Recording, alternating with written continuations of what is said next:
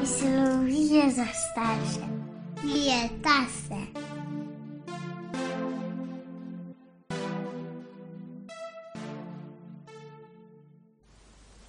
Pozdravljeni. Zdravo. Danes bova govorila o psihološki simbiozi. To je en koncept oziroma eno obdobje v seveda starševstvu in odnosu med staršem in otrokom. In tisto, kar bova skušala vam danes predstaviti, je to, kdaj nekako lahko govorimo o tem obdobju, um, kaj so mogoče ene specifične značilnosti tega obdobja ali pa ene, ene situacije, ki v tem obdobju so pogoste. Um, dotaknila se bova tudi mal, kakšen je pomen simbioze psihološke za, za odnos otrok, starš, uh, tudi seveda v tistem obdobju, ampak tudi v enem mogoče širšem časovnem obdobju. No. Tako da To je en tak ukvir. In čist kar na začetku je treba povedati, da, da psihološka simbioza je nekaj, kar se začne, mogoče če tako rečem, pripravljati že od samega začetka, že od samega rojstva otroka naprej. Se pravi, od tistega trenutka, ko mi zares postanemo starši in ko otrok začne biti otrok. Ne? Se pravi, starševstvo, otroštvo sta, bi rekel, na tej točki na neki ničelni izhodišni točki. Mm. Ne? In za, za ta obdobje je značilna ena taka velika asimetričnost, eh, se pravi, otrok je ob rojstvu izrazito nebogljen, nemočen, eh, ne zmore si zagotoviti hrano, ne more eh, poskrbeti za, za svoje dobro počutje, za to, če mu ga zebe, če mu je prevroče ali karkoli. Mm. In tukaj je res naloga tega primarnega skrbnika, kot smo večkrat rekli, je ponovadi to mama, da poskrbi za otroka. Mm. Um, in uh, zlasti v teh prvih tednih po rojstvu je ta osredotočenost na, na otroka, uh, zlasti osredotočenost na eno fizično uh, dobro počutje, na eno fizično ugodje, ki ga je treba otroku priskrbeti oziroma poskrbeti za to ugodje. Ne. Mogoče deloma lahko tudi govorimo o enih bolj čustvenem ugodju ali pa psihološkem mm. ugodju, ampak predvsem gre tukaj za, za eno fizično ugodje. No. Tako, tok, uh, mm. Ravno zaradi te nemoči, ki si jo omenjal, kjer si sam otrok, dojenček v tem smislu še ne more sam priskrbeti nekih uh, torej, svoje potreb, svojih potreb zagotoviti in je tukaj tudi iz tega fizičnega vidika ta skrbnik tako zelo pomemben.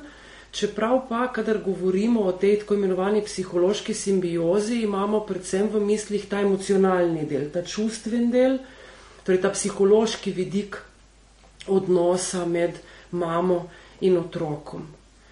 Morda je, jaz, jaz bi rekla, da, da se ta odnos, torej ta, kot sem ga zdaj opisala, ta emocionalni odnos začne bolj intenzivno ali pa bolj opazno med, v, te, v tem paru mama-otrok odvijati ali pa razvijati v času, ko začne otrok m, mm, malo bolj komunicirati ali pa malo bolj opazno komunicirati s svojim okoljem. Namreč uh, mamice novorojenčkov lahko povejo, da sicer z otrokom so v nekem konstantnem kontaktu, ampak da otrok zelo veliko spi, da tudi recimo med dojenjem zelo pogosto miži, torej da tega kontakta, kot ga mi pričakujemo, morda preden zares dobimo novorojenčka v roke, ni kontakta v tem smislu neke komunikacije, take bolj očitne, kot sem že rekla.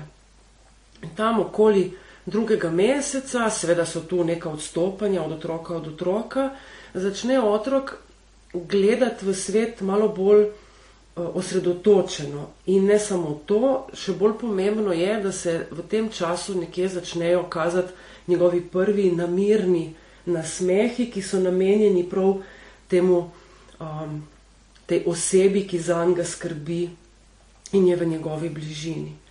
Tako da je mami iz tega psihološkega, čustvenega vidika morda takrat nekoliko lažje v tej komunikaciji z otrokom, v tem odnosu, ker je prej otrok bolj zazrt vase ali pa vsaj tako deluje. In je res v ospredju to, ta skrb za njegove bolj fiziološke potrebe. In ko omenjava ta, uh, ta zgodni in intenziven odnos, je fino še omenjati ritem, ki je v tem času zelo uh, pomemben. Pri nekaterih otrocih je ta ritem zelo hitro vzpostavljen in ga imajo že sami zelo um, ko bom rekla, postavljenega ali pa zelo izrazitega in so otroci, ki se predvsej redno, časovno prebujajo, hranijo in je nek, na nek način skoraj da možno predvideti, kdaj se bo spet prebudil, kdaj bo spet lačen. Medtem ko pri drugih otrocih je to mogoče malo manj opazno um, ali pa je ta ritem ni tako zelo um, predvidljiv. In je v tem smislu nekoliko bolj pomembna vloga tukaj mame ali pa tega skrbnika, da ta ritem nekje drži in vzpostavlja. To je pa ritem, ki hkrati daje ta varen objem simbioze, o kateri danes govoriva. Mislim, da bi lahko tudi rekel, da, da ja, v tem času pride do nekega zares razvoja te simbiotične zveze med, med mamo in otrokom um, za katero je značilna ta neka združenost v eno tako celoto, ne? ena enota pravzaprav, ne? kot da eh, med njima ni neke ločnice. Ne? In mogoče si lažje to tudi predstavljamo, če pomislimo, da eh, v času nosečnosti seveda je otrok tudi fizično mhm. zlit z mamo, če tako mhm. rečemo. Ne? Je, je v, v maternici ker je obdan uh, nekako z mamo in da tudi ko pride na svet, um, je, je ta, ta zlitost nekje še vedno zelo pomembna. In zdaj seveda ne moramo več govoriti o, o tej fizični zlitosti, ampak da tukaj se pa ta psihološka zlitost eh, nekje pojavi in da je ta njen pomen kar precej velik. Ne? Mm. Kot sem rekel, tega občutka ločenosti ni. Ne? Predvsem z vidika otroka. Mhm. Tako, tako, predvsem z vidika otroka, mhm. ampak verjetno ne pa do neke mere tudi uh, strani mame. Ne? Mhm. Uh, recimo, en precej znan uh, angliški psihoanalitik, ki je že dolga leta nazaj, Donald Winnicott, je uh, govoril o primarni preokupiranosti mame. Ne? Se pravi, uh, kot v tem zgodnjem obdobju, v katerem večina mam nekako vse ostale stvari pusti ob strani, se osredotoči na otroka in zakaj? Zaradi tega, da, da lahko poskrbi za vse te potrebe, ne? ker otrok ne zmore, kot si prej omenila na začetku, je te komunikacije med otrokom in mamo relativno malo, ko se otrok začne malo bolj odzivati, bodi si z nasmehi, bodi si z zvoki, mm. bodi si z gibi, je to malo lažje, ampak vseeno, zato, da mama lahko prepozna, kaj otrok zares potrebuje, mora biti dejansko zelo osredotočena na, na otroka. Ne? Ja, in uh, v tem smislu ta preokupiranost in verjetno v tem kontekstu pa vseeno lahko govorimo, da, da, ja, da je pa ta zlitost eh, oboje stranska. Ne? Uh -huh. uh, tako, saj uh mhm. -huh. mogoče v nekem psihološkem smislu, uh, da je bolj oboje stranska. No? Uh, ker tisto, kar je še značilno za ta obdobje, te simbiotične zveze, ko, ko se nekje počasi razvije in ko je v, v enem obdobju tudi eh, precej dominira ta odnos, ne, to, da sta zlita oba, je, ko te ideje ločenosti ni, ko sva mi dva eno, a, takrat a, eh, je tudi a, kakršen koli odklon od tega zelo strašen, če tako mm. rečem. Se pravi, uh, za otroka pomeni kakršno koli grožnja tej simbiotični zvezi, ki bi lahko ogrozila uh, to dvojico, ki je pravzaprav mm. enota, eh, en tak zelo, zelo primaren in zelo močen um, strah, oziroma celo več kot strah, neko tesnobo. Ne? Um, temu se včasih reče uh, strah pred izničenjem. Se pravi, da če nekaj ogrozi to simbiozo, je ta grožnja pravzaprav predstavlja neko totalno grožnjo. Mm. Ker onkraj te simbioze ni ničesar, uh, pomeni, da če to nekaj ogrozi, da je, da je to zgleda kot da bo konec vsega. Mm. In seveda odrasli si to mogoče malo teže predstavljamo, uh, mogoče še najbližje temu, temu občutkom, verjetno, ki jih otrok takrat v tistem obdobju čuti, so vem, napadi panike, ki jih lahko seveda tudi odrasli a, a, izkusimo in v kateri bi prav tako, ne, za, za en občutek, da, da smo popolnoma nemočni, da ne moramo nadzirati sebe in okolice in da, in da bo se zgodilo nekaj strašnega, ena katastrofa. No, tako, um, ta del je, je zelo izrazit in mogoče tudi makar en, en poseben pomen, seveda tudi razvojno gledano, um, tudi za druge faze eh, razvoja, pa kasnejšega. Mm, mm. Na nek način bi lahko tudi to poskušali mal približati, ta vidik, kolikor je mogoče, uh, otrokov vidik, ne na svet in, in um, uh, na to, kaj se okrog njega dogaja. To, da otrok je v maternici, kot si že rekel, na nek način zavarovan. Ne? In ko enkrat pride ven na svet, se sooča z dražljaji, ki jih prej na tak način jim ni bil izpostavljen. Niso bili ti dražljaji tako ostri, tako izraziti. Torej, svetloba je bila um, pridušena, zvoki so bili pridušeni. Zdaj pa kar naenkrat se lahko zgodi, da ko gre mama z vozičkom na na sprehod, lahko to sonce zelo direktno posije na njegov obraz. Da, da so zvoki, ko uh, je recimo otrok z mamo v kuhinji, da, da nek zvok nekega lonca, ki pade na tla ali pa nekega pribora, je veliko bolj oster in glasen, kot pa to, čemu je bil prej izpostavljen še v, v trebuhu. In da je tukaj ogromno enih dejavnikov, na katere se mora otrok postopno navaditi. In je mama tukaj, torej ta primarni skrbnik, ima to vlogo, da otroku ta nov svet, s katerim se spoznava dojenček, da mu ga naredi prebavljivega, da mu ga naredi uh, zdržnega, torej da, lahko, da lahko zdrži vse te nove, nove izkušnje. Um, to je en tak začeten del njunega odnosa, ki je z vseh teh vidikov tako zelo nežen, ne? tudi z, z vidika teh, um, te, teh čustev, ki jih mama doživlja do otroka. Uh, Sveda mogoče je to obdobje malo manj nežno za mamo samo, glede na to, da je, se znajde zdaj v novi vlogi, na katero se čisto doživljajsko ne moremo prej nikakor pripraviti, lahko si predstavljamo, ne moremo pa tega čisto doživeti, da je to obdobje, v katerem je verjetno spanje mal skrajšano zaradi vseh eh, nočnih um, hranjen in, in drugih nujnih stvari, ki jih je treba narediti okrog otroka. Um, vendar pa ja, definitivno zelo, zelo nežno obdobje tega odnosa.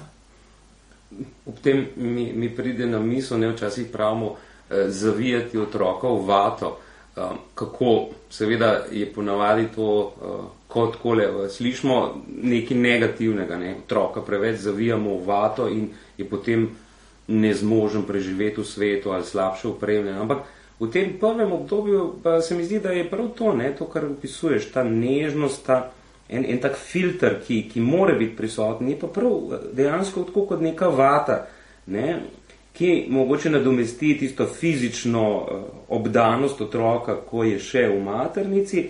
Uh, nekje tako je, vseeno je treba biti previden, je treba paziti in dejansko je treba otroka v tem obdobju nekje zavijati v vato, mm. skrbeti za njega. No, tako, mm. uh, kako, ja, mm.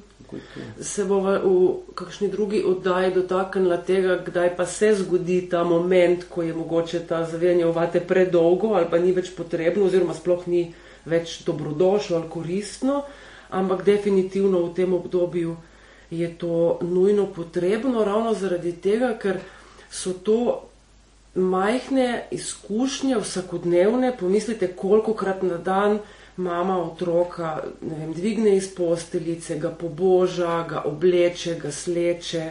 In to so vse, kot sem že prej rekla, ne, neka, neka dejanja, ki se jih mora otrok navaditi, da jih čuti na koži, da, ne, da čutite spremembe v temperaturi, naprimer, da, se, da ga mama potopi v vodo med um, kopanjem. In to so vse majhni kamenčki, ki na koncu sestavijo en ta cel mozaik, ki je zelo pomemben ravno uh, uh, za to fazo simbioze. Ta celotna slika, celoten mozaik občutka, da je ljubljen, da je zaščiten, tudi s to vato na koncu koncev, da je svet obvladljiv in da, da je poskrbljeno za njega. Verjetno uh, je en faktor tukaj tudi to, ne, kar smo na začetku omenili, ker če je ta simbioza ogrožena, se pojavi strah pred izničenjem. Ne. Se pravi, je ena zelo realna grožnja, zakaj je treba mm. tako postopati. Ne. In, mm, da, Tisto, kar pa je tudi uh, verjetno pomembno razumeti, um, je mogoče en tak sen bolj razvojni vidik tega, ne, da, da je to hkrati ta simbiotična zveza, uh, psihološka simbioza, tudi en prvi odnos, uh, ki ga otrok pravzaprav izkuša. Ne? In mm. da v tem smislu predstavlja tudi en vzorčni odnos za vse prihodnje nadaljne odnose v življenju, ki jih bo ta otrok, sčasoma najbrž ne več otrok, uh, imel. In da, tako kot praviš, verjetno to vprašanje zdaj točno, koliko časa traja ta simbiotična faza, način, kako se razgradi, da to je mogoče res tema, ki boš da si v eni posebni oddaji posvetva, ampak vseeno pa v okviru tega je pomembno, da, da poveva, da, da je ta simbiotična zveza nekaj, kar seveda se more razvojno gledano tudi zaključiti. Mm. Kar je treba povedati zraven, da je najboljši možni scenarij, če se ta simbiotična zveza preprosto razgradi. Ne, da to ni nek nenaden proces in da to ni enostranski proces, ampak je to, kot če bi si predstavljali neke vezi, ki se počasi rahljajo, rahljajo, rahljajo in, in na nek način zgubijo, zgubijo svojo funkcijo. Ne. In da takrat dejansko lahko govorimo o dveh, ki sta lahko ločena, ampak hkrati tudi združena, če je treba, ne, da to ni mm, mm. več vprašanje. Tukaj, sko, sam kot mogoče zanimivost ali pa neko lažjo predstavo za, za, tudi za vse, ki poslušate to, ta podcast, pa tudi druge najne, recimo separacijska stiska, o kateri govoriva v drugih podcastih, je tukaj igra eno dosti pomembno vlogo. Ne, se pravi, kako se z, tem ločevanjem otrok sooča, kako se mama sooča. Um, to je dosti pomembno za to, kako se ta simbiotična zveza razgradi ali prekine. Um, in uh, tudi ne nazadnje, kakšna je potem uh, spet razvojno gledano neka življenjska izkušnja ali kakšno je sporočilo, ki ga potem ta otrok nese naprej v svet, kakšen je bil ta prvi pomemben odnos v eh, njegovem življenju. Ja, pomembna je, kot se ti rekel, razgradnja tega odnosa, ampak najprej mora biti ta odnos v tem smislu, v tej intenziteti čustveni tudi najprej vzpostavljen in uh, izkušen in uh, na nek način bi, si, bi rekla, da je v njem treba tudi uh, uživati torej, in doživeti neke te ugodja in, in um, ugodnosti tega, zato da je potem tudi ta separacija lahko ustrezno sledi. Iz tega prvega intenzivnega čustvenega obdobja in odnosa pa črpamo še, um, jaz bi nanizala tukaj, tukaj tri sporočila za nadaljne prihodnje odnose in pa tudi za življenje nasploh in to so zaupanje, upanje in pa hvaležnost. Če poskušam to malo razložiti, zaupanje zagotovo prihaja iz tega, da ko, je, ko se pojavijo neke otrokove potrebe, da je tam primarni skrbnik, mama, ki s to svojo oglašenostjo na otroka poskuša čim bolj ustrezno, primirno uh, zadovoljiti te njegove potrebe. In otrok s tem dobiva občutek, da je svet prijazen, da lahko zaupa svetu in tudi v druge ljudi, na koncu koncev, da bodo uh, znali razumeti, slišati njegove želje, njegove potrebe in da jim bo v veliki miri tudi ugodeno. Mm, in naslednje, kot sem ga že omenila, je torej upanje, ki je pa tudi zelo vezano na to izkušnjo. Ne? Torej, upanje, da bodo te želje in uh, potrebe slišane, uh, sprejete, hkrati pa tudi, da takrat, kadar se nam v življenju nekaj zatakne, kadar nam nekaj ne gre tako, kot bi si želeli, ostaja to upanje, da bomo lahko te situacije zdržali in da obstaja upanje, da bo stanje potem se izboljšalo in da se bomo spet vrnili v neko prijetnejše, ugodnejše ali pa optimalno um, življenje.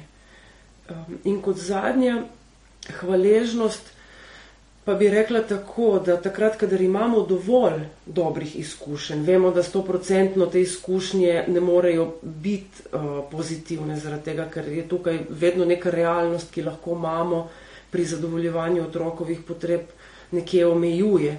Um, da naprimer ne more tako hitro ga, ga nahraniti, zato ker potrebuje določen čas, da ali pripravi hrano, ali da najde ustrezno mesto, da otroka podoji. In to so majhne, majhne frustracije dojenčka, ki pa jih z mamino pomočjo, torej ki ga zavija v vato, ne, torej s pomočjo tega, um, se jih nauči in izkusi kot neke um, dogodke, ki jih je mogoče zdržati. In to daje ta občutek tudi hvaležnosti, da je pridobil in da ima dovolj enih dobrih vsebin, dobrih izkušenj in je zaradi tega hvaležen. Ja, mislim, da, da je to to, Zdaj, kar mi še pade na, na, na pamet, no, ob tem, ko, ko si omenila te tri popotnice, je, da to zaupanje uh, v to, da bomo slišani, bomo razumljeni. Nekako se mi zdi kot tisti ritem, ki smo ga prej mm. omenjala. Ne? Se mm. pravi, ko mi poznamo ne, neko pesem, pa zaslišimo, aha, ne, to nam pa domače zveni. Tako, da tudi tle je nek ritem, ki ni nujno zdaj samo muzikaličen, ampak mm. ki, ki je pomemben. No? Tako, da je ta del in da dejansko so te. Uh, pri upanju, kot praviš, ne, te frustracije, kako je pomembno, da so dovolj mehne te frustracije, mm. da so obvladljive. Um, in da na podlagi tega dvojega, ja, res lahko pride pa tudi neka hvaležnost, ki je verjetno vseeno en, tako bi rekel, razvojno gledano mal kasnejši občutek, ki že zahteva to, da, da, da neke stvari mal lahko mislimo skupaj, ne? da jih na nek način integriramo mm. v neko celoto. No? Ampak ja, da so te tri popotnice, ki izvirajo iz te izkušnje psihološke simbioze, eh, zelo pomembne potem za nadaljni razvoj otrokov in za soočanje z različnimi življenjskimi situacijami. Tako, to bi bilo to za danes. Eh, mhm. Hvala za poslušanje in se slišimo spet prihodnič. Lep pozdrav.